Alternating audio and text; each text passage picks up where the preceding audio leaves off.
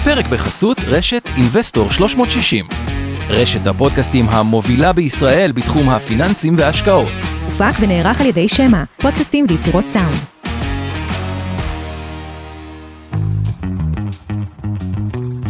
מעוניינים ללמוד יותר על עולם ההשקעות? האזינו לפודקאסטים נוספים שלנו. המשקיענים, אבנר סטפאק ועומר רבינוביץ' מדברים על כל מה שחם בעולם ההשקעות בשווקים המובילים וגם ההזדמנויות בשווקים המתפתחים. Investor 360 Live, אורן ברסקי ועומר רבינוביץ' מארחים את בכירי שוק ההון ועולם ההשקעות. כסף חדש, עם כל מה שרציתם לדעת על עולמות הקריפטו והפינטק, והפודקאסט השקעות למתחילים לכל מי שעושה את צעדיו הראשונים בעולם ההשקעות.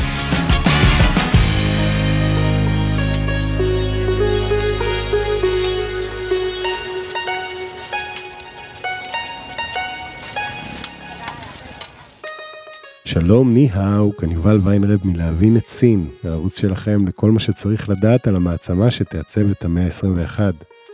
להבין את סין הוא חלק מרשת הפודקאסטים של אינבסטור 360, הרשת המובילה בישראל לתחום הפיננסים וההשקעות.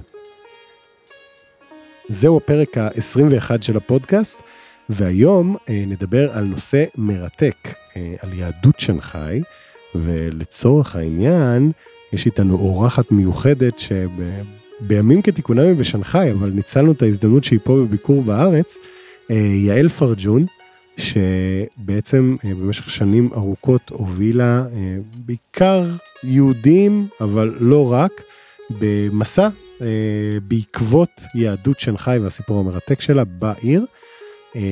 והיום היא גם מנהלת שיווק ופיתוח עסקי בסין של PTL Group.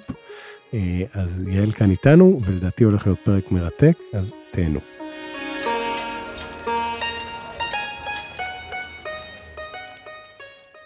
אז שלום, ניהאו ליעל פרג'ון, וברוכה הבאה להבין את סין.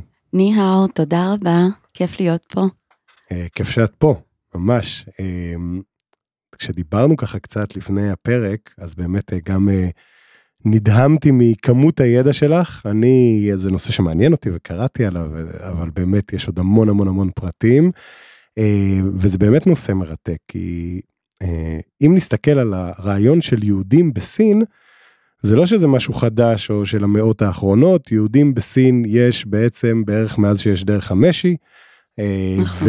ובתקופה של שושלת טאנג ממש היו קהילות גדולות בקייפנג ובמקומות נוספים בסין, אה, ככה שיהודים בסין זה לא סיפור חדש, אבל מה שהיה עם יהדות שנגחאי ועם ההתפתחות של הקהילה היהודית בשנגחאי בסוף המאה ה-19 ותחילת המאה ה-20, הוא סיפור מדהים, אני חושב שאף פעם לא היה, אה, לא היה ליהודים כל כך הרבה כוח ו, ועוצמה והשפעה על מה שקורה בסין כמו בתקופה הזאת, אה, ועל זה אנחנו רוצים לדבר. אז... אה, בשמחה. שמחה גדולה שאת פה, ובאמת, אני חושב שכל המאזינים שלנו ירוויחו מהידע שתחלקי איתנו היום. אז בואי נתחיל באמת אולי ככה עם קצת רקע על איך בעצם הגיעו יהודים לשנגחאי? אז יהודים הגיעו לשנגחאי אמ, יחד עם בעצם המעצמות הגדולות שהגיעו אה, לסין, מיד אחרי ותוך כדי אפילו מלחמות האופיום. כשאנחנו מדברים על המעצמות הגדולות זה בעיקר בריטניה, צרפת, אה, אפילו ארה"ב כבר הייתה. אז אה, כל מי שרצה חתיכה מסין שפתאום אולצה להיפתח, שלח את האנשים שלו לשם, ויחד עם כל האנשים האלה הגיעו גם יהודים, בעיקר מחפשי הזדמנויות, אה, זאת אומרת אנשי עסקים וכאלה, אה, אבל זה בעצם היה הטריגר. סין אולצה להיפתח, וזה, וזה מה שהביא את הזרים בפעם הראשונה אחרי יותר משלוש מאות שנה שסין הייתה סגורה. כן. אה, לחלוטין. אז בעצם יחד עם, עם אנשי העסקים של ה... לצורך העניין, הסיפורים שאני מכיר זה בעיקר על, על הבריטים בהקשר של היהודים, נכון. אבל אני מניח שבאופן כללי, הגיעו אנשי עסקים, איתם הגיעו גם אנשי עסקים יהודים. לא רק הגיעו, אפילו הובילו, במיוחד בבריטים, היו, מהראשונים שהגיעו היו, היו היהודים, מבין אנשי העסקים האלה, אמ, שהמשפחה כמובן הכי מוכרת זה משפחת ששון. כן. אמ, והם ממש, הם היו ממש מהראשונים שהגיעו לבחון את השטח.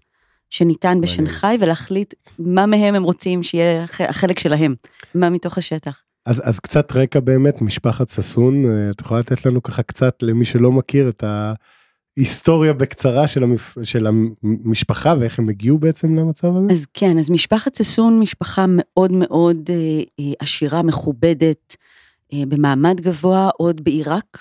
מהמם.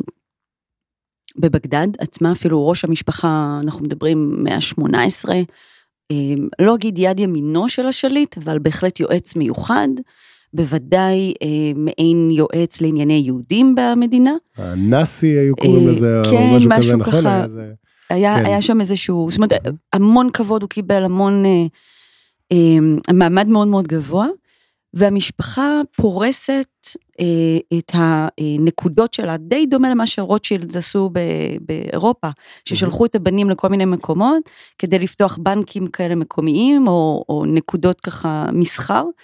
אותו דבר עושה ששון, שולח את הבנים שלו לכל מיני אה, אה, אזורים באסיה, לאורך דרך, דרכי המשי שהיו בה, שהתפתחו.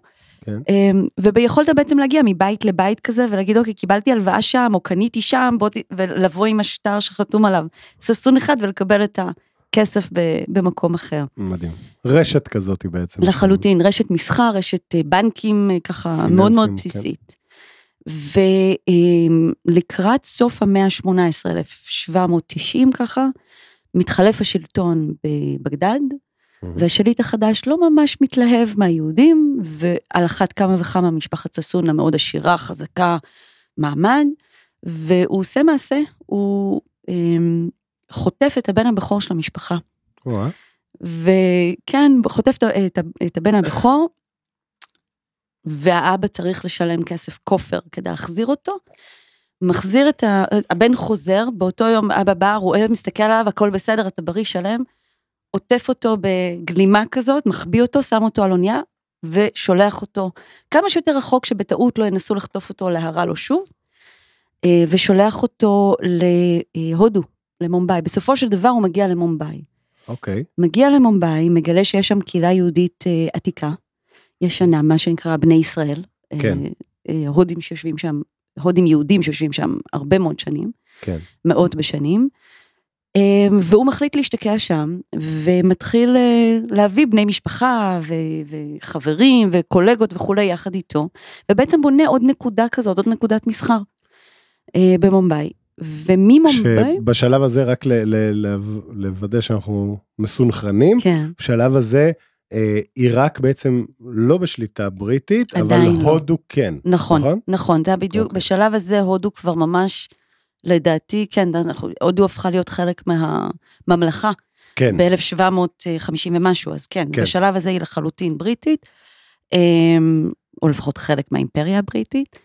אה, עדיין הודית לחלוטין, לגמרי. אבל אה, אה, כן, הוא מתיישב שם. אמ, ומתחיל לבנות בעצם את הממלכה הפרטית שלו במומבאי. מהמם. בונה בניינים לקהילה היהודית ולכל מי שהוא מנסה להביא, כי המצב בבגדד לא היה מבטיח ליהודים שם. כן. אז הוא ממש הלך, זה בדיוק כמו שעד היום דרך אגב עושים, הולך לבית כנסת, אני צריך, ה, אני צריך מישהו שיעבוד לי פה, מישהו, אה, הבן של ההוא, הבת של ההיא, הזה, כן, וככה, כי מקשרים של, של משפחות, ככה אתה מכיר את ה... כן, לפחות זה מה שעושים בחו"ל, שהקהילות היהודיות הן אה, קצת יותר קטנות. כן. פוגשים אה, את האנשים אה, שיהיו כן. שותפים שלך בבית חב"ד, או בדיוק, יהיה, וב- או בבית כנסת המקומי. כן. זה בדיוק מה שהוא עושה, ולאט לאט מגיעים אליו הרבה חבר'ה צעירים ברמה כזאת שהוא ממש פותח אה, בית ספר למנהל עסקים כזה. מהמם. אה, מלמד את החבר'ה האלה, ואז שולח אותם לעבוד בשבילו בכל מיני מקומות בעולם. ואחד המקומות שבאמת נפתחים, היא שנגחאי. אה, 1900, לא, סליחה, 1842, מהמם. חוזה ננג'ינג או ננקינג. כן. אם אתם מכירים את הסיפור, אה, אחרי מלחמות האופיום, הסינים מפסידים, מרימים דגל לבן, יושבות, יושבת המעצמה עם, אה, אז זה היה רק אנגליה, אם אני לא טועה, אני חושבת שצרפתים לא היו חלק מזה, אבל יכול להיות הראשון שפה. נדמה לי שלא, כן. ו- שמהחוזה הזה עוד לא, אחרי זה שכפלו את הזכויות האלה בדיוק, לכל המעצמות. לכולם. בעצם. אבל באמת מה שהחוזה הזה בפעם הראשונה אומר, הוא מחייב את סין להיפתח, ובעצם אחד מהסעיפים שלו הוא לאפשר לאנגליה לקבל שטח בשנגחאי, ממש על הבנד, שהיום על הטיילת מול הנהר, כן. צפונית לעיר הסינית הישנה, ו, אמ, ואז ששון מגיע, שולח את אחד הבנים שלו, כדי לבחור את השטח ששם הם הולכים להיות. השנה הייתה 1842, מדהים. אה, והוא מגיע עצמאית. עכשיו, באמת גם כל מי שהגיע אחר כך, הגיעו אנשים לעבוד עבור ששון. זאת אומרת, רוב היהודים הראשונים שאנחנו מכירים בשנגחאי, זה אה, בעיקר בהתחלה בחורים צעירים, לא נשואים, עדיין יותר זול לשלוח רווקים אה, לעבוד כן. בשבילך בחו"ל, לא יעזור. רילוקיישן לכל המשפחה. רילוקיישן יותר לחלוטין. מסובך, אה, והם מגיעים לשם, מתחילים אה, לעבוד, מתחילים, ותוך כדי אתה מתחיל לבנות, כי אתה, אתה צריך דברים שיהיו לך אם אתה עובר לעיר מסוימת ואין בה כלום, אתה צריך לבנות, כן. וזה מה שקורה.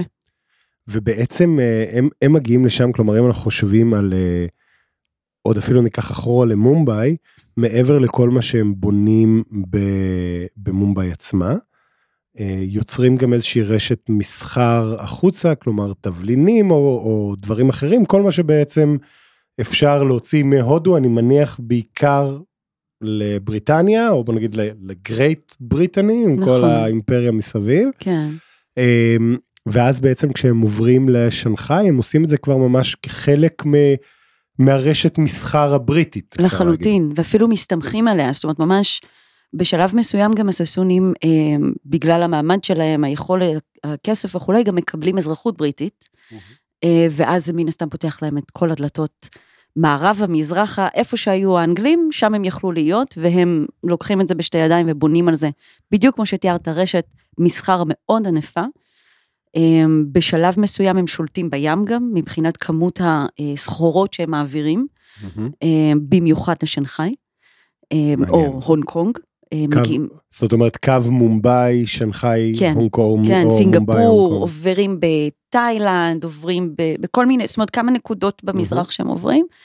וכמובן בכל נקודה כזאת מקימים בית, מקימים קהילה, מקימים זה, דואגים שיהיה שולחים מניין, איזה דואגים- נכד כן, או זה, כן. בדיוק, שולחים כן. מישהו, אחרי זה מחזירים אותו, בדרך כלל זה אותו, אה, כדי להתחתן, ואז הוא חוזר עם המשפחה, אז צריך גם לדאוג לכל המסביב, לאט לאט הולכים ובונים מאחזים כאלה.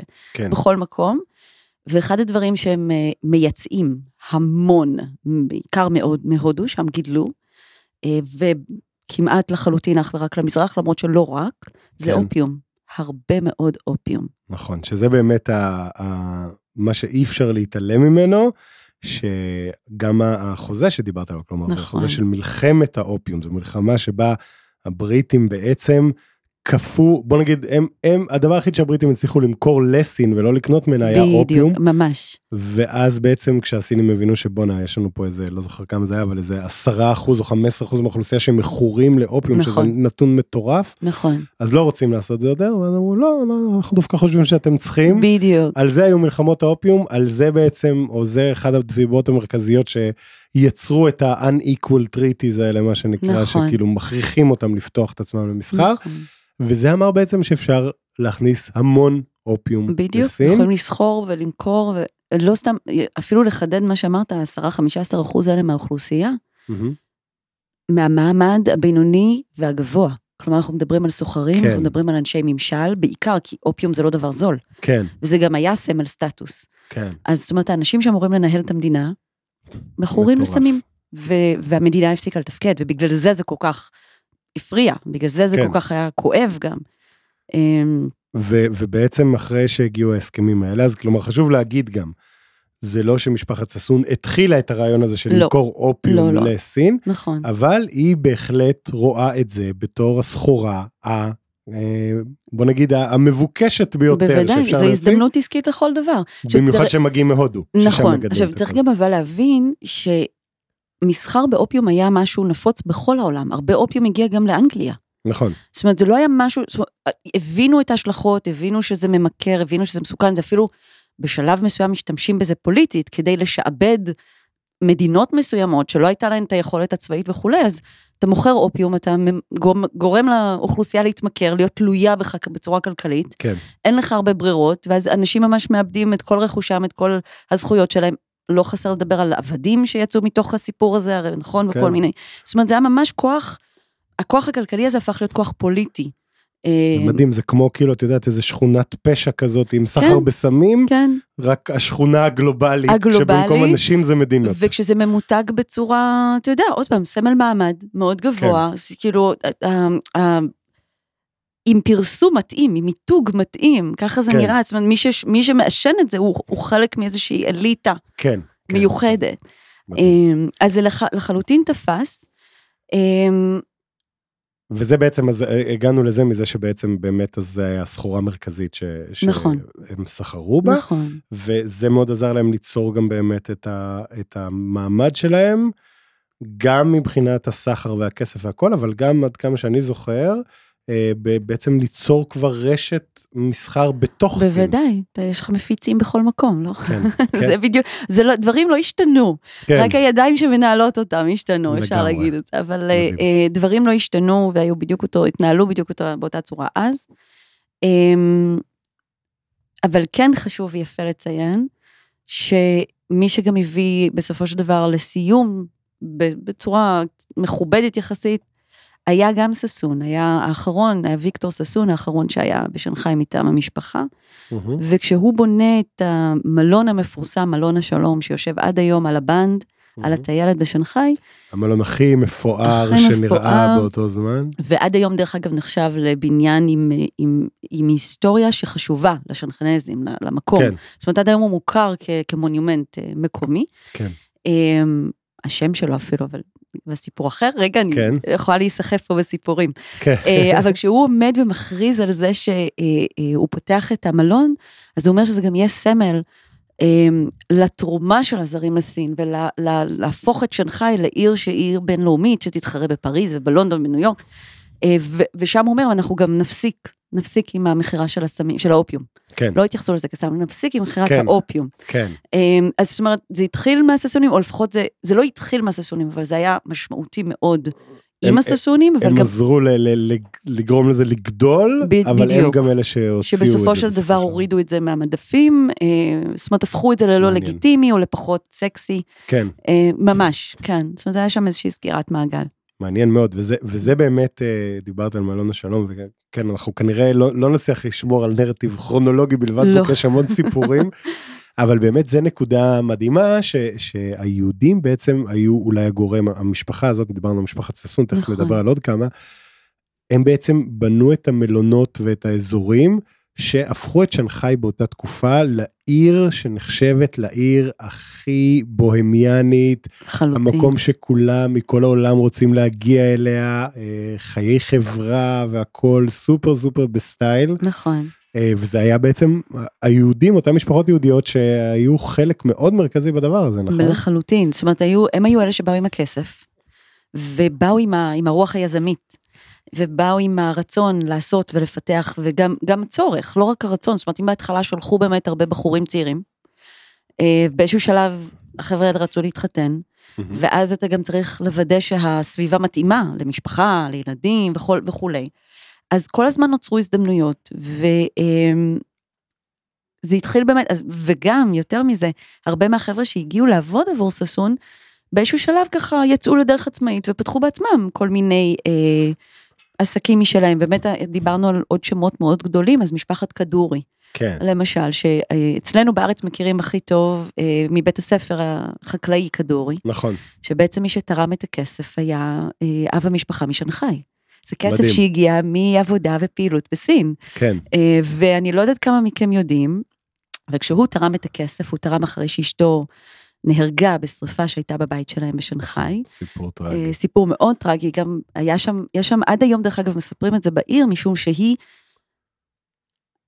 הסיבה שהיא נהרגה הייתה בגלל שהיא התעקשה להציל את העובדים עובדת שלה. הסינית שלה, הסינית נכון, שלה, בדיוק. כן, זאת אומרת, עוד זרקה אותם החוצה, הלכה לבדוק שאף אחד לא נשאר בפנים, ובסוף היא נלכדה כן. אה, בתוך הזה. זאת אומרת, עד היום יש- זוכרים את זה ככה. יש כמה דמויות אה, נשיות מאוד מעניינות, אגב, בתקופה כן. הזאת שהייתה תקופה מאוד פטריארכלית כזאת, נכון, וכמה מהאנשים של משפחת, אני חושב, גם ששון וגם כדורי מאוד התבלטו בהחלט. בזה שהם בוא נגיד, עשו את העבודה כנראה הרבה יותר טוב מהגברים, מהגברים, רק או- או מאחורי הקלעים. לקחו, אה, לקחו חלק מאוד פעיל כן, בחיי החברה, ב... אה, עוד פעם, דיברנו על זה שזו הייתה חברה מאוד אה, נהנתנית. כן, מי שבעצם היה אמון על המסיבות ועל, ה- ועל הארגון, הארגונים החברתיים האלה, היו בעיקר אנשים מאחורי הקלעים.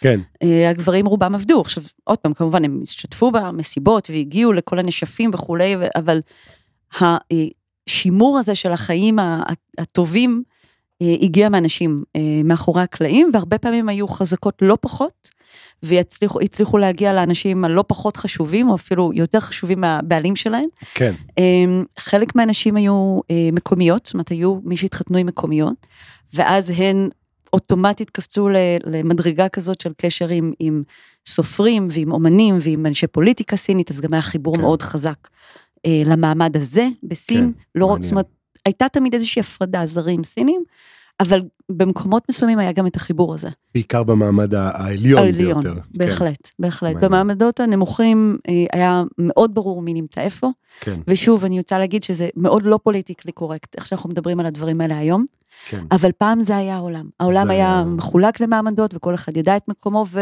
ויכול להיות שלא היה בסדר עם זה, אבל, אבל ידעו מה מצופה מהם, ומה מותר להם, ומה אסור, ולאן הם יכולים להתקדם, נכון. אם בכלל. תכף בהמשך עוד ניגע גם בזה שזה לא היה משהו ששייך רק לאסיה, נכון, אלא באירופה אפילו אפשר להגיד שזה בוודאי. הגיע לרמות הרבה יותר קשות.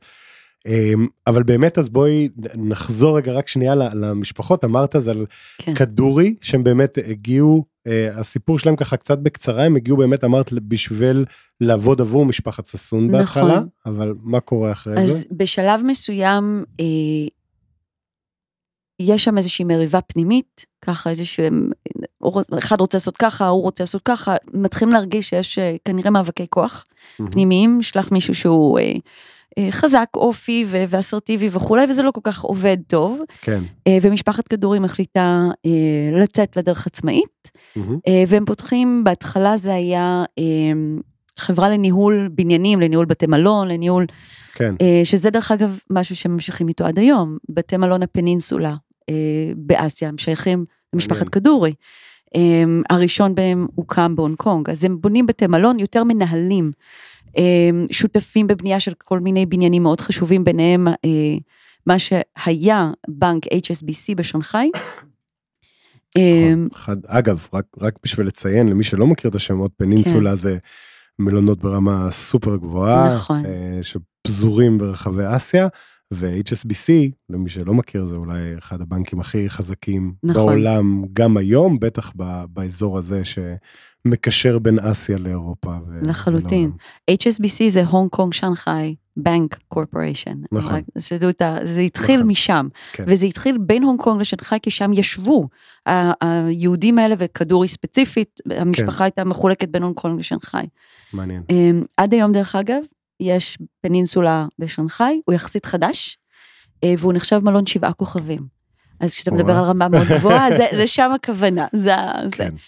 אז אמ, ממשיכים את המסורת הזאת של לבנות תמיד את המלון שיהיה הכי הכי, מפואר, הכי הכי מפואר, גדול, שכל בדיוק. העולם ירצו להגיע לשם רק בשביל לחוות מה זה, מה זה מלון ברמה אחרת. נכון. אה, ואגב, אני רק אולי נעצור לקטנה באמת בשביל הקונטקסט, אז כדור באמת יצאו לדרך עצמאית ובנו נכון. אימפריה משלהם, ועוד ניגע בהם עוד מעט, אבל אה, קצת אולי על איך השיטה הזאת עבדה ממה שאני מכיר, זה שבאמת אה, ברגע שהיה למשפחת ששון את האופרציה המאוד איכותית שמה, היה מין עניין כזה שיהודים מעיראק, ואני מניח שממקומות נוספים, אבל הרבה מאוד מעיראק, היו שולחים את הילדים שלהם, אם אתה רוצה הזדמנות, כמו שהיום אה, אנשים לפעמים מסיימים את הצבא ונוסעים לארה"ב למצוא נכון. עבודה או כאלה, סע לעבוד אצל משפחת ששון ב- כן. בהודו או בשנגחאי. או בשנגחאי. או ב- כן. לגמרי, וזה גם הסיבה ש... אמ, זה גם הסיבה שששון בנו את הבית ספר הזה ללימוד עסקים, ללימוד מסחר, ללימוד במומבאי, כן, והם הם נתנו מלגות, הם הביאו חבר'ה ש, שהיו בבגדד או במקומות אחרים, הביאו אותם לשם כי זיהו פוטנציאל, לימדו אותם, ואז שלחו אותם לעבוד בשבילם בכל מיני מקומות בעולם. אז מדהים. לחלוטין, לחלוטין, הורים קלטו שיש את האופציה, ומה יותר טוב אם זו קהילה יהודית, ואני מכיר עוד פעם את ההוא מה- מהבית כנסת, אז אני יכול לסמוך על זה, תיקח את הילד.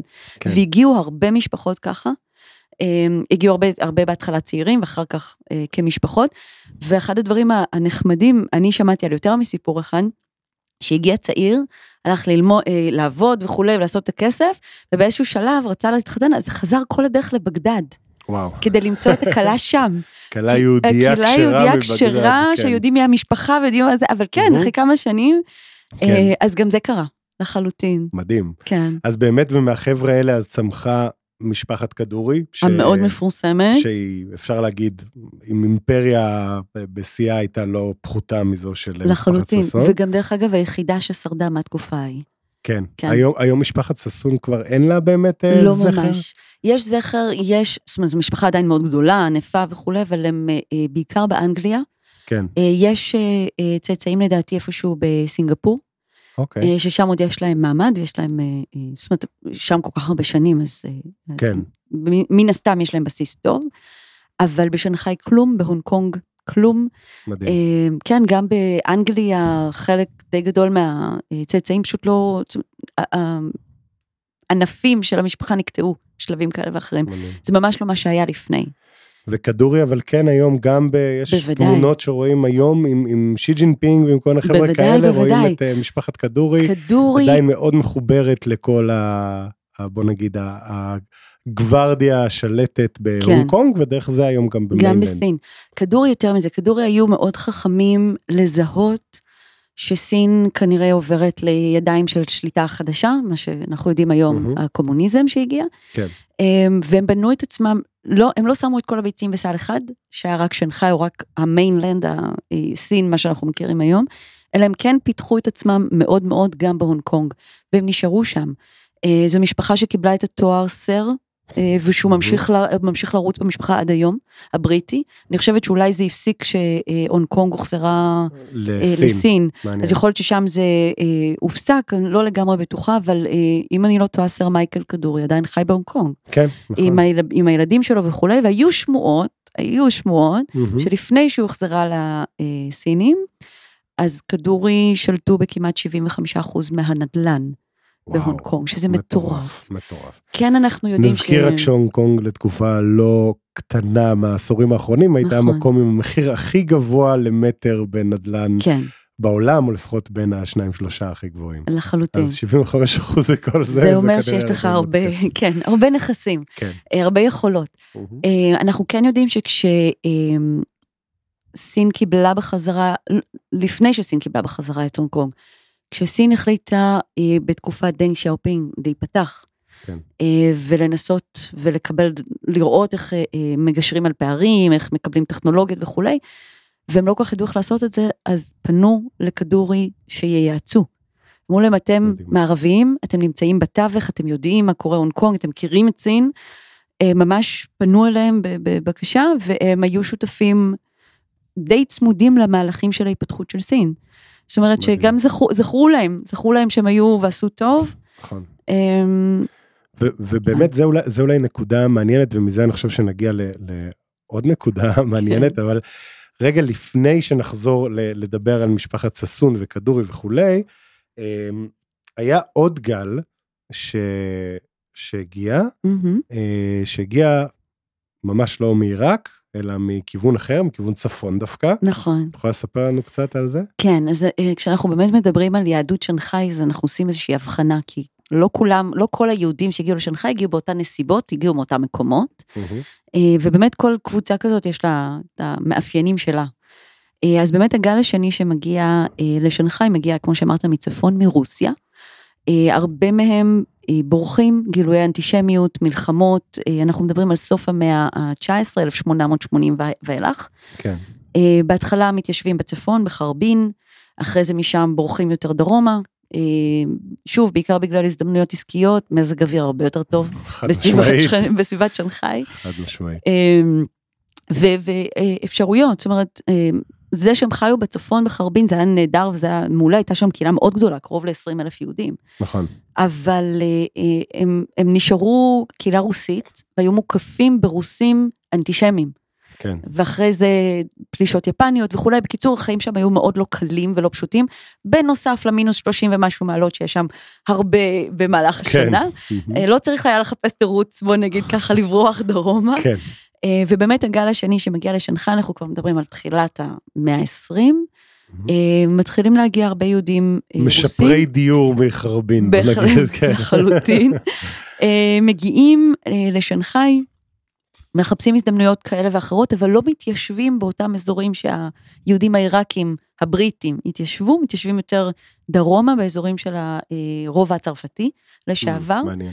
אה, כן, אוקיי. מוצאים לעצמם עוד פעם את הקהילה שלהם, בונים את הקהילה שלהם, את המבנים שלהם, את הארגונים שלהם.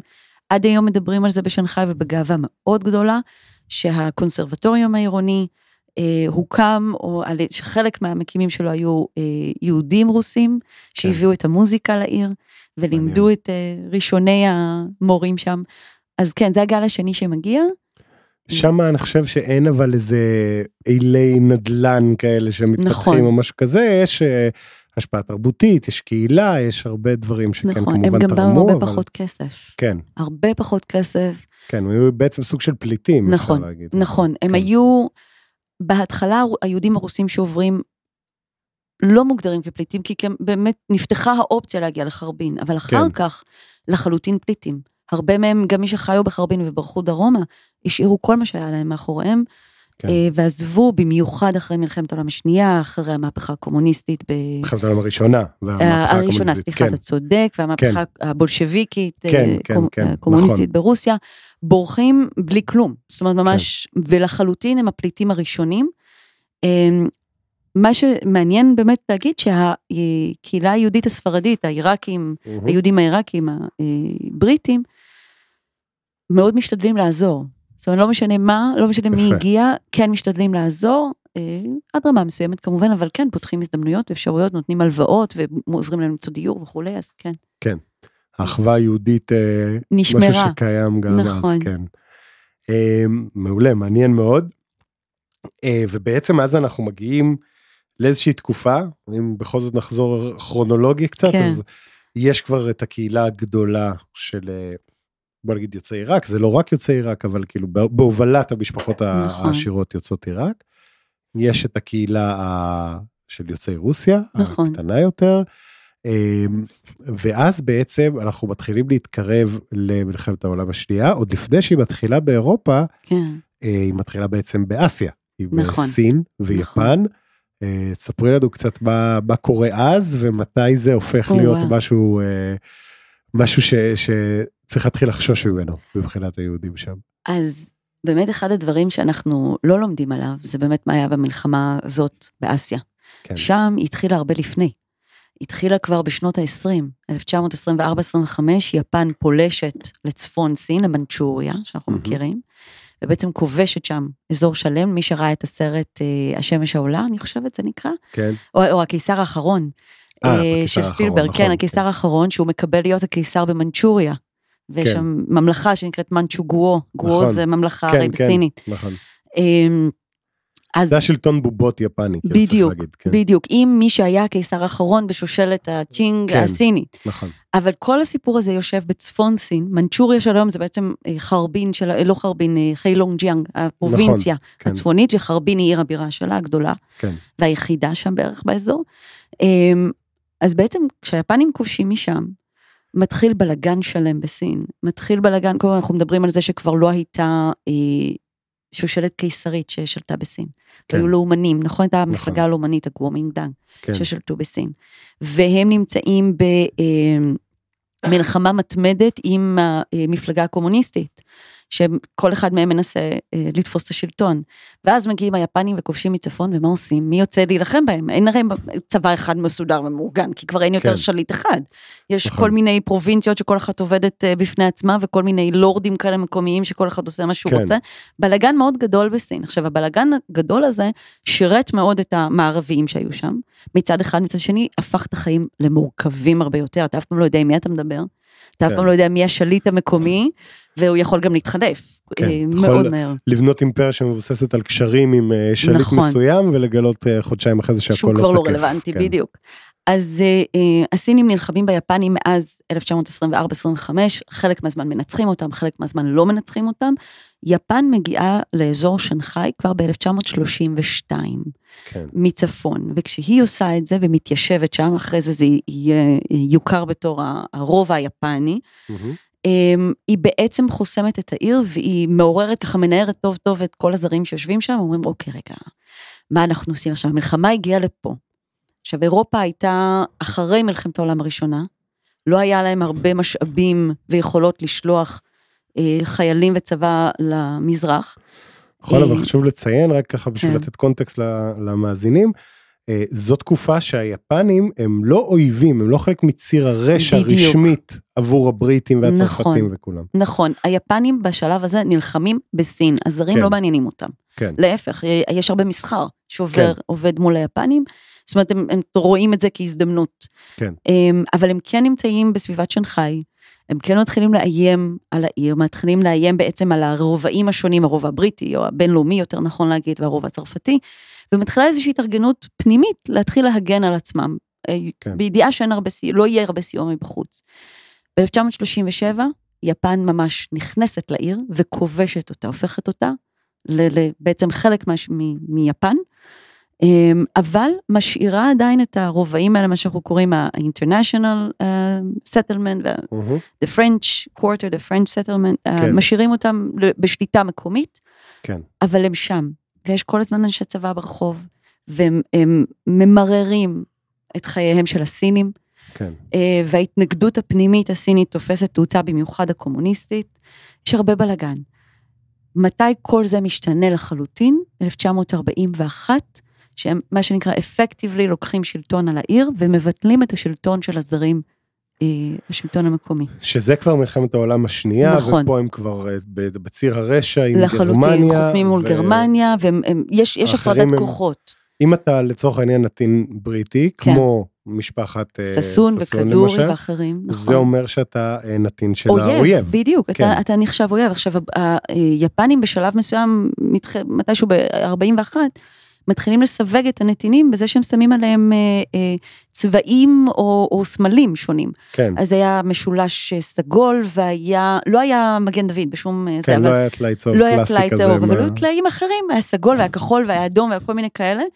אה, וסווגת, למי אתה שייך? אתה שייך למדינת אויב או לא?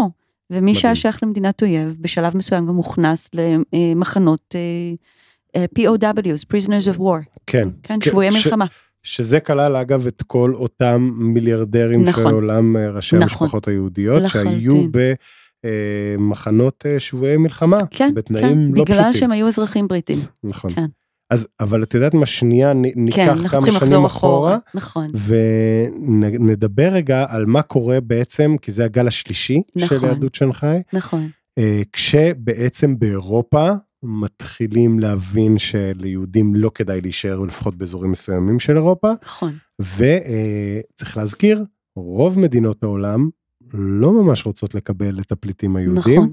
כן, ואז שנגחאי הופכת להיות איזשהו safe haven כזה של... אה, כן. ספרי לנו קצת על זה באמת. אז באמת גל האנטישמיות מתחיל לעלות באירופה מבערך 35, 6, משפטי אה, נירנברג, אם אני לא טועה לפני, או משהו בס- בסגנון, אה, אה, כן, ונכון, פחות או יותר בשנים האלה, ומתחילים לעלות, לצאת אה, אה, הרבה תקנות כנגד כן, יהודים, לא מורשים לעסוק בכל מיני דברים, ובעצם כן. הראשונים שנפגעים זה האליטה היהודית, מי שהיו פרופסורים, רופאים, עורכי דין, רואי חשבון וכאלה שלא יכולים יותר לעסוק במשלח ידם. כן, והם מתחילים לחפש מה לעשות. וחלקם עוזבים, בעיקר למקומות אחרים באירופה, בשלב הזה עוד אפשר, כן, אה, הברית, עם מי שיש לו שם קשר ויכול, כי גם להגיע הברית זה לא פשוט, אתה צריך מהמם. שמישהו יחתום, יחתוב, אה, יחתום בשבילך וייתן לך איזשהו גיבוי. כן, יש קהילה גרמנית לא גדולה, אבל שכן יושבת בשנגחאי, גרמניה כן הייתה בסין. נכון, וכן היה קשר מסחרי, זאת אומרת השם שנגחאי, המזרח כן עולה, ואנחנו כן עדים למשפחות ראשונות שמתחילות להגיע, בשלב הזה בתנאים נהדרים יחסית, מצליחים להביא איתם הרבה דברים מהבית, לא, לא בורחים כפליטים, אבל כן עוזבים כי מבינים שהם לא יכולים להמשיך להישאר לגור איפה שהם, כן, אבל עוזבים יחסית מה שנקרא בטוב. השינוי הגדול קורה אחרי ליל הבדולח. ברגע ש, שליל הבדולח אה, מתרחש, היטלר לומד שבעצם לעולם לא כל כך אכפת מיהודים, כן. שהוא יכול לעשות מה שהוא רוצה, והוא מחליט לסגור את הגבול. כלומר, עכשיו אם אתה רוצה לעזוב את גרמניה, אתה חייב להראות שיש לך אה, איזושהי ויזה לאנשהו, כן, יכול לצאת. ורוב היהודים לא, זאת אומרת, מה זאת אומרת ויזה? על מה אתה, כאילו, מה, מה, כן. בדרכון? אוקיי. והם מנסים להשיג ויזות. ואחד הסיפורים אה, שבעצם עולה המון המון המון שנים אחר כך, ובחור אחד צעיר עובר ככה מקונסוליה לקונסוליה, לא, לא, כן, קונסוליה אני אומרת משום שבאיזשהו שלב הרי גרמניה אה, מספחת את אה, אה, אוסטריה, אוסטריה, כן. נכון. וליל הבדולח דרך אגב מגיע גם לשם. הרבה, כן. לא הרבה יודעים, אבל ליל הבדולח לא היה רק בגרמניה ולא רק בערים כן. הגדולות, גם הגיע והייתה לו, הייתה לו, אה, זה קרה גם ב, אה, באוסטריה. באוסטריה, כן. ומסתובב בחור אוסטרי, יהודי אוסטרי בווינה, מקונסוליה לקונסוליה, כי ברגע שהיא, שהיא סופחה אז כל השגרירויות הפכו מהמם. לקונסוליות. אמ, עובר מקונסוליה לקונסוליה ומנסה להשיג אה, ויזות לעצמו ולמשפחה שלו.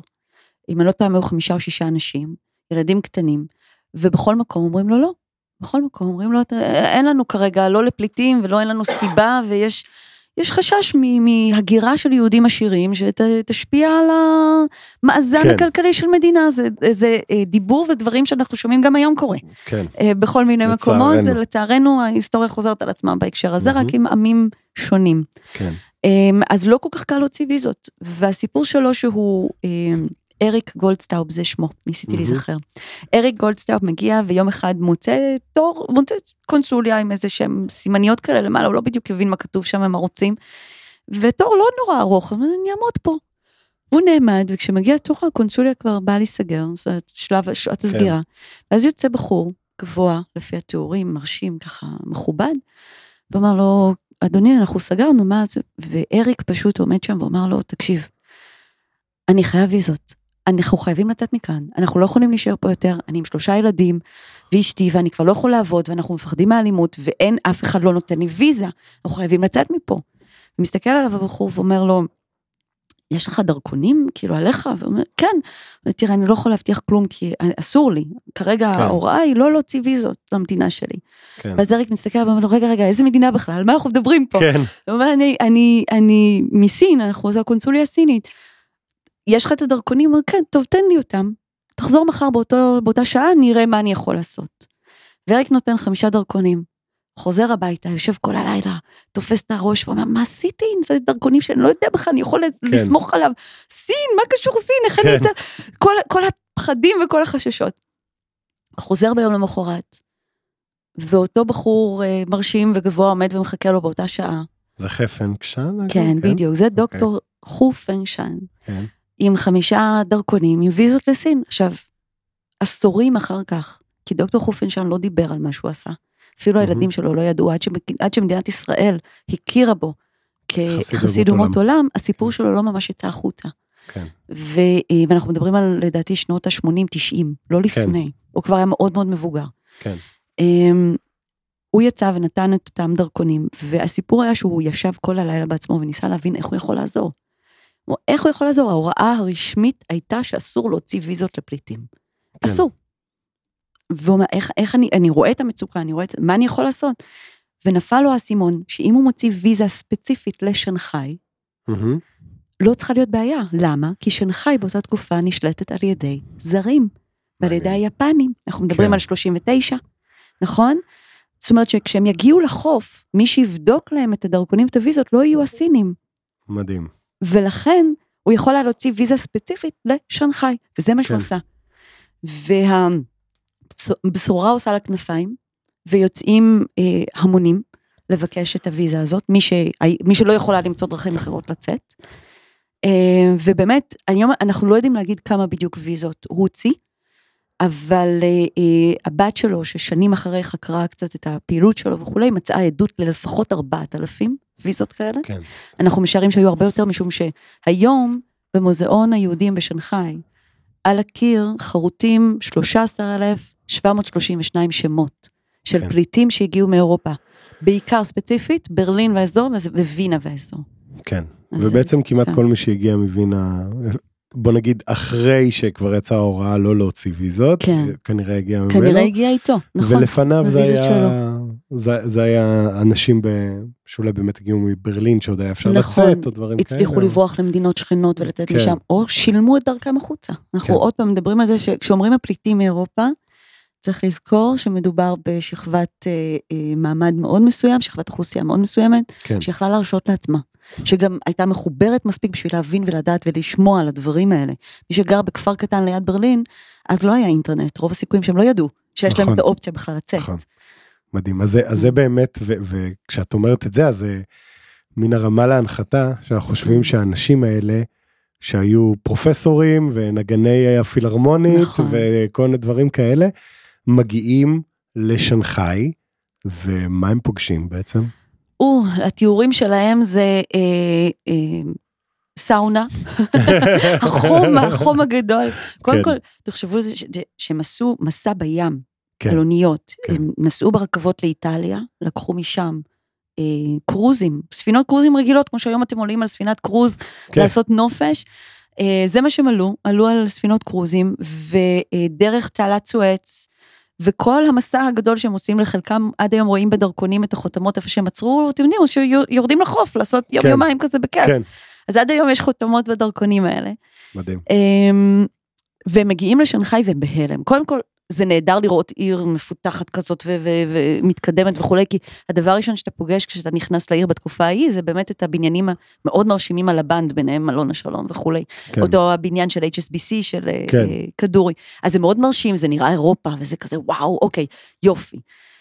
אבל הם מגיעים חסרי קול, ויש. בסיפורים שלהם שהם שלחו אה, אה, מזוודות, או שלחו אה, אה, מטען שמעולם כמובן לא הגיע אליהם. כן. אז הם מגיעים עם ה, אולי המזוודה שהייתה איתם ביד, וזהו. והם יורדים לחוף, והחום הגדול, הלחות, שנגחאי זה אחד המקומות החמים והלכים שיש בעולם. והם הגיעו מצפון אירופה. והם הגיעו מצפון. אירופה, בדיוק, אז הם לא לבושים בהתאם ולא מתורגלים ולא שום דבר. כן. אה, ולמזלם הגדול, מי שמקבלים אותם שם זה באמת אה, קבוצות היהודים שחיו שם, כי מג- מבינים שמגיעים פליטים ושיש צורך לעזור. אה, אז מתארגנים מהר מאוד, אה, הם יורדים לחוף, נותנים להם אה, אה, איזשהו שק כזה עם, עם מצרכים ראשוניים, עוזרים להם למצוא מגורים, עוזרים לחלקם למצוא עבודה. באמת התגייסות של שתי הקהילות שכבר ישבו שם. אה, גם לעזור. זהו, זה, זה היה בעיקר בעלי הממון כמו משפחת אה, ששון וכדורי? כן, או... כן, שתמכו, לא רק, מהמם. לא רק חשוב להגיד, היו די הרבה משפחות הרי שם, כן, ורובם הגדול, זאת אומרת, אם לא, אם לא כולם אפילו, היו עמידים ומעלה. כן, אנחנו מדברים על בעלי עסקים למיניהם, אנחנו מדברים על, כן, על משפחות שגם ישבו שם דור שניים, שלושה, זאת אומרת, כן, בכל כן. זאת קרוב כבר למאה שנה. התבססו שם. התבססו, אמ, אמצעים וכולי, זאת אומרת, זה לא, לא מדובר על, על אנשים ממעמד נמוך, שאין כן. להם אמצעים, אלא באמת אנשים שיכולים לתת ולתרום. והם תורמים, והם עושים, והם נותנים אה, ברמה של אה, לבנות בית ספר מיוחד, זה מה שכדורי עשה, כן, כן. אה, אה, לפתוח אה, אה, דירות, אפילו לפנות בניין שלם בשביל לאכלס אה, פליטים, שאנחנו יודעים שזה מה שששון עשה, בלי קשר לזה תרומה של כספים ובגדים ועזרה מזון במציאת כשר עבודה. וכל כן, כל מה שהיה, אה, ממש הייתה, הייתה אה, ועידה שהתיישבה ואמרה, אוקיי, מה, מה, מה הם צריכים ואיך אנחנו יכולים לעזור. כן. עוד ארגון שלי אישית מאוד חשוב גם להזכיר פה בהקשר הזה, כי אנחנו כישראלים פחות מכירים אולי את הפעילות שלהם, זה ה-JDC, הג'וינט. את את השם הג'וינט כן. אנחנו מכירים, ה-JDC קצת פחות, The Jewish Joint Distribution Committee, זה כן. השם המלא. הם אה, שולחים שני נציגים לשנגחאי, ואם אה, אה, מ- מישהו מעניין לחפש אה, אחר כך, אז אה, לורה מרגוליס, זו האישה שיושבת מהמם. וכותבת דוחות על מה שקורה שם, והם שולחים כספים, והם שולחים ידע של איך להקים קהילה, ובונים אה, אה, אה, בית תמחוי, מטבח, כן. שמאכיל בהתחלה 8,000 איש שתי ארוחות כל יום, אחר כך כשנהיה יותר קשה עם האמצעים, 5,000 איש לפחות ארוחה אחת ביום. כן. אבל ממש דואגים לארגון של הקהילה ולארגון של אה, אה, אמצעים, חותמים על אה, צ'קים ש, שאמרו, אל תדאגו, יש מישהו מאחורי זה שיפדה אחר כך שישלם, וה-JDC כשנגמרת המלחמה עומד בכל ההתחייבויות ומשלם את כל הכספים שהובטחו. מדהים. אה, אז כן, יש שם פעילות מאוד מאוד יפה גם של הארגון הזה. ו- ובאמת כאילו לא- לא ניכנס לכל הדברים האלה היום גם מפאת הזמן והכל, כן. כי באמת אפשר לדבר על זה שעות, אבל uh, בסוף המון עזרה, קהילה שיחסית בוא נגיד למה שהמשפחות שנשארו באירופה חוו, ברור שהם היו uh, במצב בוודאי. עדיף בהרבה, כן. אבל גם uh, במה שהפך להיות אחרי זה גטו שנגחאי, החיים נכון. לא קלים. מאוד לא קלים, מאוד מאוד לא פשוטים. בסך הכל הם הגיעו, אתם יודעים, מהמקום הכי גבוה שאפשר כמעט, לכלום. אין לך כן. שום דבר. אם לא הצלחת להבריח איתך כסף, אה, או, או, או משהו, אז אין, אז אין לך ממה להתקיים. אז זה אומר צפיפות ולכלוך. כן, ולחיוב, ומשפחות שגרות ביחד בחדרים, בחדר יחיד, ב- כן. או, או חולקות שירותים, חולקות מקלחות. החיים לא פשוטים, החיים לא קלים, לא הולכים לבית חולים כי שם תחטוף יותר מחלות ממה כן. שאתה... אז נורא נורא קשה ומאוד לא פשוט. אמ, וזה מדהים לראות שהסיפורים משתנים באמת. אם היום מה שנותר לנו מהסיפורים של באמת מי שחוו את זה, כשעברו בתור אנשים בוגרים ויכלו להבין ויכלו לעשות את ההשוואה בין מה שהיה להם למה שהם כן. זה, היום לצערנו הם כבר לא, הם כבר לא איתנו, אז כן. זה רק לקרוא על זה בספרים.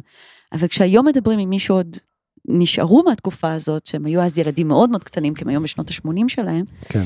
אמ, אז הם מספרים, אתם יודעים, על, על, לילד לא משנה אם הוא רץ יחף או לא. הוא לא כן, מבין את כן, ההבדל. כן. אבל הם יודעים לספר שהם רצו יחפים. הם יודעים לספר שהם, שהם לא החליפו בגדים כי לא היה, שלא התקלחו כי כן. לא היה. כן. הם יודעים לספר את הדברים האלה. אז היה עוני, היה רעב בשלב מסוים, למרות שמאוד השתדלו שלא יהיה, היה קושי אה, מנטלית, היה נורא נורא קשה אה, להתמודד עם השינוי הזה. חיים מאוד לא פשוטים, מאוד לא נעימים, אה, עד שנגמרה המלחמה. מדהים, וזה, כן. וזה באמת כאילו הדבר שצריך לזכור בתקופה הזאת, אז באמת גטו באיזשהו שלב, כל הבריטים, כולל המשפחות העשירות ביותר שדיברנו עליהם, כן, הופכים להיות אויבים של נכון. הכובש היפני אה, נכון. בשטח. גם מי שהגיע להונג קונג, באיזשהו שלב הונג קונג נכבשת, אה, כל בעצם בני משפחת ששון וכדורי שנשארו שם, נכון, נכנסים באיזשהו שלב למחנה לשבויי מלחמה, נכון. תנאים מאוד קשים. מאוד, נגמרת המלחמה, כן, הכוחות ה- הטובים מנצחים לשמחתנו הרבה. כן. אה, מה קורה אז בעצם בשנגחאי? כי אז- בעצם, בוא נגיד בגדול מלחמת אזרחים. כן, רק- מיד למזלנו, בעיקר לא בשנגחאי, שהיא נכון. מקום שהקומוניסטים באמת הגיעו אליו יחסית מאוחר. נכון. אבל איך התחושה, כלומר, מה קורה עם, ה, עם המשפחות היהודיות אחרי המלחמה? כן. חוזרים לשנגחאי, לא חוזרים לשנגחאי? או, אז היה, הייתה תקופה מאוד מאוד מבולבלת. גם חשוב, דרך אגב, לעשות הבחנה, הם, היהודים שהגיעו הפליטים מאירופה, הם, הם הוגדרו כסטייטלס. זאת אומרת, מהמם. היו ללא נתינות, אין להם כן. נתינות. אז בתקופה שבה הוכנסו אה, אותם בריטים וצרפתים וכולי למחנות שבויי מלחמה, הפליטים שהגיעו מאירופה כמעט ולא נגעו בהם. אז נכון שהם היו במשהו שמוגדר, אנחנו קוראים לו גטו דרך אגב, וזה גם כן. ה... אה, אה, מינוחים שמשתמשת בהם המפלגה, בכלל, בסין היום. מהמם. חשוב מאוד לציין, כי כן צריך להגיד ל- לזכותם של היפנים, שהם מעולם לא רצו להכניס את היהודים לאיזשהו גטו, הם לא הבינו למה הם צריכים לעשות את זה, וכשבסופו של דבר הם מחליטים לרצות את השותפים שלהם הגרמנים וכן לעשות משהו, הם קוראים לזה designated area, אזור מיוחד. כן, זאת אומרת, גטו זה משהו שאנחנו קוראים לו היום. כן. וזה חשוב כן לשים את הדברים האלה על השולחן, משום שיש שם גם סיפורים מאוד יפים בסך הכל, סיפורים גם נוראיים על איך שמי שניהל את הגטו התייחס שם לזה, אבל כן יש סיפורים בסך הכל שהם בסדר ושכן צריך לציין את זה. לא כן. הכל היה רע.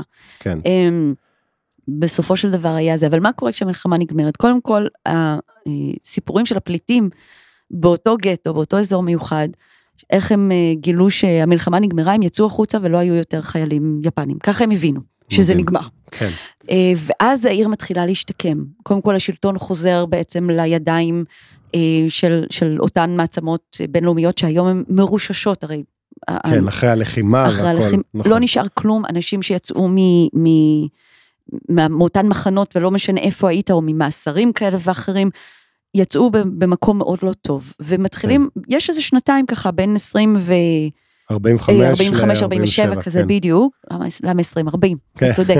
אה, בין 45 ל-47, 8 אפילו, ששנגחאי כאילו עושה ניסיונות לחזור לימי הזוהר שלה, ומתחילים לשפץ, בסדר, אבל לא, לא, אנחנו נהיה בסדר וכל זה, ומתעלמים מהעלייה הקומוניסטית, כי כמו שאתה אומר, הגיעו לשם כן. מאוחר. כן, אה, אז ממש מתעלמים מהעלייה הקומוניסטית. עכשיו, שלוש קבוצות, נכון, של, של יהודים שונות. מהמם. אז באמת היהודים הבריטים הם הראשונים שמתעלמים. לא, לא, אנחנו נחזור, זה יהיה בסדר, אנחנו, כן. לתקופה שלנו, לזוהר שלנו, הכל בסדר. אפשר להבין אותם, חיו שם קרוב למאה שנה. נכון. לא, לא קל לקום חיו ולעזוב. טוב, חיו עבדו, טוב, איזה- עברו קשיים, הם היו יצאו ה- חזקים. כן. לחלוטין, הם היו המעמד השולט, מה זאת אומרת, נכון. פתאום, זה כן. הבית. כן, אז נורא נורא קשה להם להכיר בזה שזה נגמר. כן, אמ, אבל לאט לאט מתחילים להבין ומתחילים לברוח החוצה. מתחילים לצאת. כן. גם אה, ברגע שהקומוניסטים כן מתחילים לתפוס יותר ויותר בעלות, הם מנשלים אותם, מנשלים אותם מהעסקים שלהם, מנשלים אותם אה, אה, מהנכסים שלהם, כן. אה, אז בורחים. גם הרבה לא רצו להישאר. די, נשבר, נגמר, הזיכרונות כבר על חוויית הלא טובה. כן. אז זה קבוצה אחת. האחרונים ביניהם עוזבים ב-51. והם עוזבים אגב להונג קונג? הרבה אה. דרך הונג קונג, כמעט כולם דרך הונג קונג ומשם החוצה, חלקם, חלק די גדול נשאר בהונג קונג, כן. הרבה מהם עוברים אה, לאנגליה. מעניין. אה, חלקם לישראל או ארה"ב, אבל הרבה, חוז... הרבה עם דרכון בריטי יכולים להגיע לאנגליה, כן. זה מה שהם עושים. כן, יש כמה וכמה שנשארים בהחלט בהונג קונג עוד מהתקופה ההיא. כן.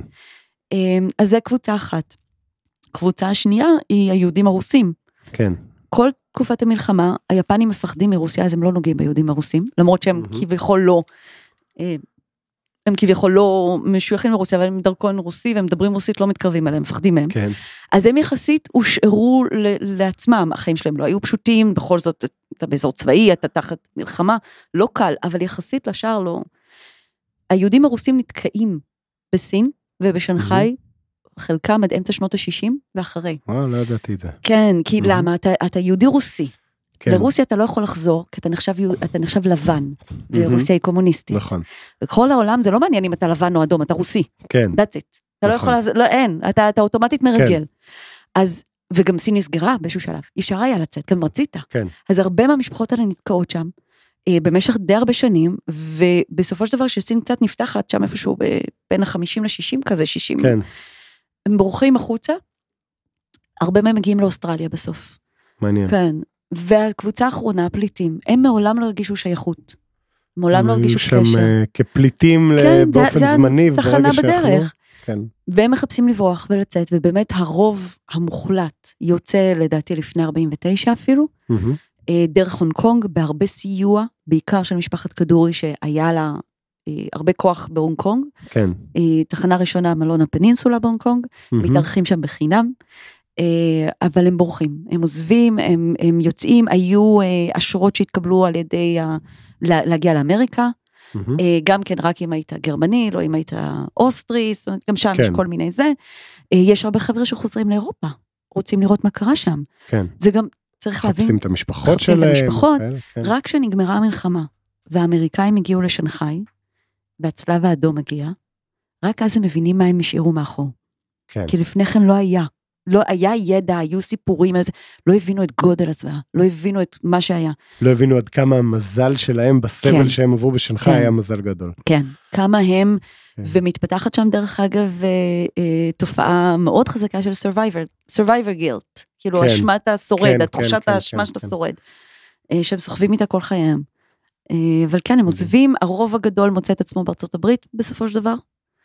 אה, אני לא יודעת אם הוא עדיין קיים היום, עוד לא יצא לי לראות, אבל בסן פרנסיסקו היה אה, בית כנסת שנגחאי של הקהילה. מעניין.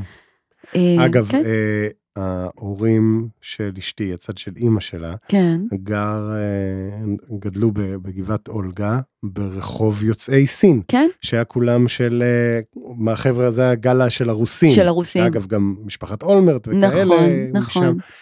וממש היה, זה היה שכונה שלמה או בלוק שלם כן, של חבר'ה שהגיעו משם. כן. כן. אז היה, יש, יש, חלקם עברו בשנגחאי גם באמת בדרך. הם, הם מאוד מאוד הגיוני, ויש, יש היום קהילות, אה, היום קצת פחות, אבל כשהם רק עברו, אז כן. הם מאוד מאוד השתדלו לשמור על קשר.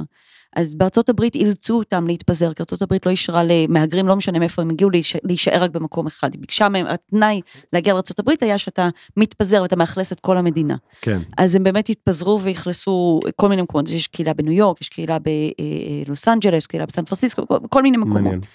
אמ, בארץ מי שהגיעו לא הרבים אבל הגיעו, אה, וכן בנו פה את מה שאנחנו מכירים, אה, אה, אה, ארגון יוצאי סין בישראל, כן, שעדיין קיים היום. כן. אמ, באוסטרליה יש קבוצה מאוד גדולה, בעיקר של יהודים רוסים, אה, והשאר מפוזרים בכל מיני מקומות בעולם, ובאמת הייתה קבוצה שחזרה לווינה בעיקר, כן. לא גדולה, אבל היו גם כאלה שחזרו והשתקעו חזרה. מדהים. כן. יעל, סיפור מרתק, יכולנו לעשות זה גם שלוש שעות אני חושב. לחלוטין. אבל זה היה אה, עשיר ומעניין, ואני בטוח שגם למאזינים שלנו. אז אני רוצה להגיד לך המון תודה שבאת. בשמחה. ולפני שנסיים, אם יש אולי איזושהי המלצה או רעיון או כל דבר שאת רוצה לחלוק עם המאזינים, אז את מוזמנת. אז אני הייתי רוצה אה, באמת להמליץ ללכת ולקרוא על הנושא הזה. כן. בתור מישהי שסיימה לימודי אסיה בארץ ולא למדה על סיפור של פליטים והקשר היהודי בכלל לסין, עד שהגעתי לשנגחאי, אמ, אני חושבת שזה משהו שלא מדברים עליו מספיק בארץ, שלא מספרים, זה עוד סיפור, אני יודעת, יש לנו הרבה סיפורים, כן. אבל מי שבאמת מתעניין בסין, אל תפסחו על זה. אמ, בחיפוש מהיר באינטרנט, באמת למצוא את הרשמים של לורה מרגוליס, מעניין. אה, מה-JDC, הארכיונים פתוחים, זאת אומרת, אפשר לקרוא את הדוחות שלה משנגחאי של אותה תקופה. אה, יש המון ספרים, חלקם תורגמו גם לעברית. אה, והמון סיפורים, ומרתק מרתק לקרוא ולדעת אה, שגם לנו הייתה שם איזושהי נגיעה קטנה להתפתחות הסינית, לפתיחות הסינית, ו- וזוכרים לנו את זה, בשנגחאי זוכרים ב- לנו. בשנגחאי אפשר להגיד שזה היה אפילו נגיעה הרבה יותר הרבה מקטנה. יותר מקטנה, לחלוטין, לחלוטין. ואגב, אז אני אצטרף בדיוק להמלצה שלך, אני אגיד על ספר ספציפי שאני קראתי, שנקרא The Last Kings of Shanghai. כן, ספר מעולה, אני, אני שמעתי אותו, הקשבתי לו באנגלית, כן. אה, אני לא יודע אם הוא תורגם כבר לעברית, לדעתי חייבים לתרגם אותו לעברית אם לא. אה, אבל ספר מעולה של ג'ונתן קאופמן אם אני לא נכון. טועה, מספר את הסיפור ספציפית בעיקר של משפחת ששון וכדורי, נכון. מאוד יפה, ו... אבל גם כמי שקרא אותו אני יכול להגיד שלמדתי המון מהשיחה הזאת פה, אז שוב המון תודה יעל, בשמחה. היה כיף שהתארחת. תודה. ונתראה בקרוב שוב אני מקווה. כן, להתראות. להתראות. ביי ביי.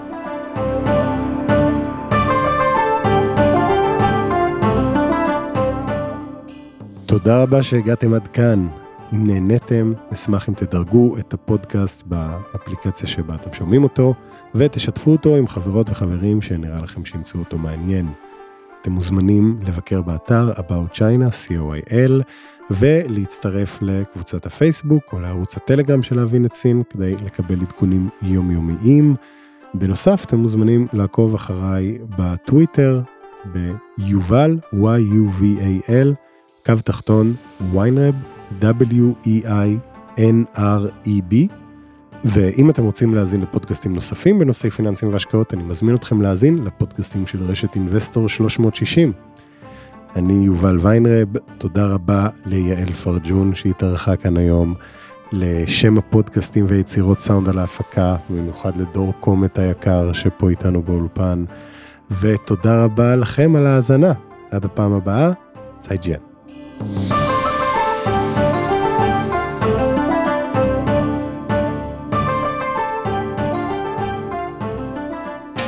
מוזמנים להאזין לפודקאסטים נוספים שלנו, המשקיענים, השקעות למתחילים, Investor Live וכסף חדש. הופק ונערך על ידי שמע, פודקאסטים ויצירות סאונד.